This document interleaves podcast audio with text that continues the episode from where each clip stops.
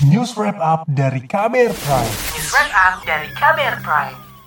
Saudara, kenaikan harga beras terjadi di 179 kabupaten di Indonesia. Dikhawatirkan komoditas ini kembali menjadi penyumbang inflasi. Pemerintah mengklaim sudah melakukan berbagai upaya mengendalikan harga beras. Lantas di mana letak permasalahannya? Berikut laporan yang disusun jurnalis KBR Astri Septiani. Badan Pusat Statistik atau BPS mengingatkan agar daerah mewaspadai lonjakan harga sejumlah komoditas termasuk beras. Deputi Bidang Statistik Distribusi dan Jasa BPS Puji Ismartini menyatakan, komoditas beras menunjukkan kenaikan harga. Sejumlah kabupaten dan kota yang mengalami kenaikan harga beras juga bertambah. Jadi kita lihat bahwa di minggu ketiga Februari 2024, kenaikan harga beras mencapai 2,93 persen, 92 persen dibandingkan dengan Januari 2024-nya. Harga beras uh, di minggu ketiga Februari 2024 mencapai uh, secara rata-rata adalah sebesar Rp14.380 per kilogram dan kenaikan uh, berharga beras ini terjadi di 179 uh, kabupaten kota. Presiden Joko Widodo membantah bantuan sosial yang akhir-akhir ini masif diberikan menjadi penyebab kelangkaan dan juga mahalnya harga beras di pasar. Itu disampaikan Jokowi usai mengecek distribusi beras di Pasar Cipinang, Jakarta Timur, Kamis pekan lalu. Tidak ada hubungannya, tidak ada hubungannya sama sekali dengan bantuan pangan beras. Tidak ada hubungannya sama sekali harga. Karena justru ini yang bisa mengendalikan, karena suplainya lewat bantuan sosial ke masyarakat, sehingga justru itu menahan harga tidak naik. Kalau enggak, justru melompat. Ini rumus supply dan demand. Suplainya diberikan dan terdistribusi dengan baik, otomatis harga akan terkendali. Jokowi mengakui ada masalah distribusi yang menyebabkan mahalnya harga beras. Dia mengklaim stok beras masih tercukupi untuk cadangan pemerintah. Jokowi juga meminta masyarakat tak khawatir langkanya beras di pasar.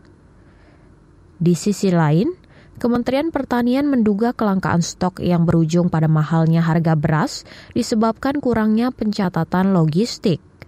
Direktur Serealia Tanaman Pangan di Kementerian Pertanian, Ismail Wahab mengatakan, pencatatan logistik merupakan salah satu masalah distribusi yang membuat beras sulit didapatkan. Mungkin bukan masalah tidak ada beras, tetapi ada perpindahan stok beras kita yang semula ada di retail-retail sudah berpindah ke rumah tangga produsen atau rumah tangga konsumen.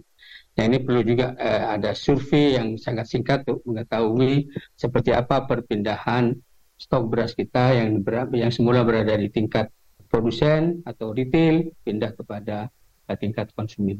Ismail Wahab memaparkan, di awal 2024 pemerintah punya stok carry over atau stok dari tahun lalu sekitar 3 juta ton, ditambah impor 0,4 juta ton di Januari dan juga produksi dalam negeri 0,91 juta ton.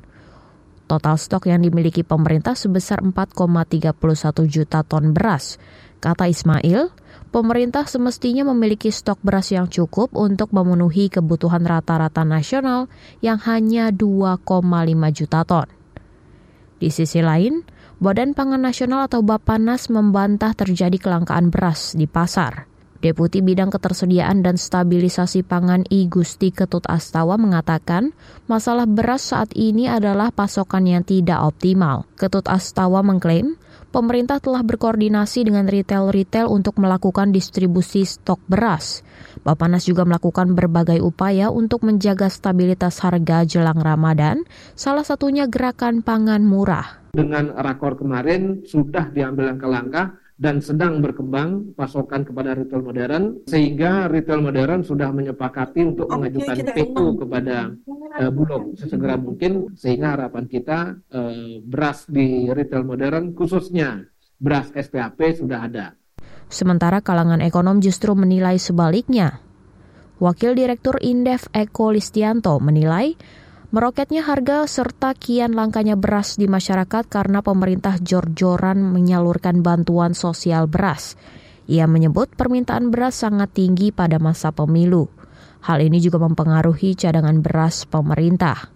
Dari pemerintah juga menggelontorkan bansos yang sangat sat gitu ya, sangat akseleratif dan itu kemudian mempengaruhi dari cadangan beras pemerintah sendiri begitu. Di sisi lain, uh, saya rasa tidak hanya dari pemerintah ya, juga dari kalangan-kalangan tertentu begitu ya, yang mungkin juga dari para politisi yang nyalon ya, ya sumbangan-sumbangan juga kan begitu ya kepada pemilih. Jadi dampak-dampak uh, inilah yang uh, harusnya juga kita lihat begitu bahwa ini menjadi faktor. Eko Listianto menjelaskan faktor lain dari tingginya harga beras yakni karena ongkos produksi yang juga mahal. Mahalnya ongkos produksi itu membuat petani tak mungkin menjual dengan harga eceran tertinggi atau HET yang ada saat ini. Demikian laporan khas KBR yang disusun Astri Septiani. Kamu baru saja mendengarkan news wrap up dari KBR Prime. Dengarkan terus kbrprime.id, podcast for curious minds.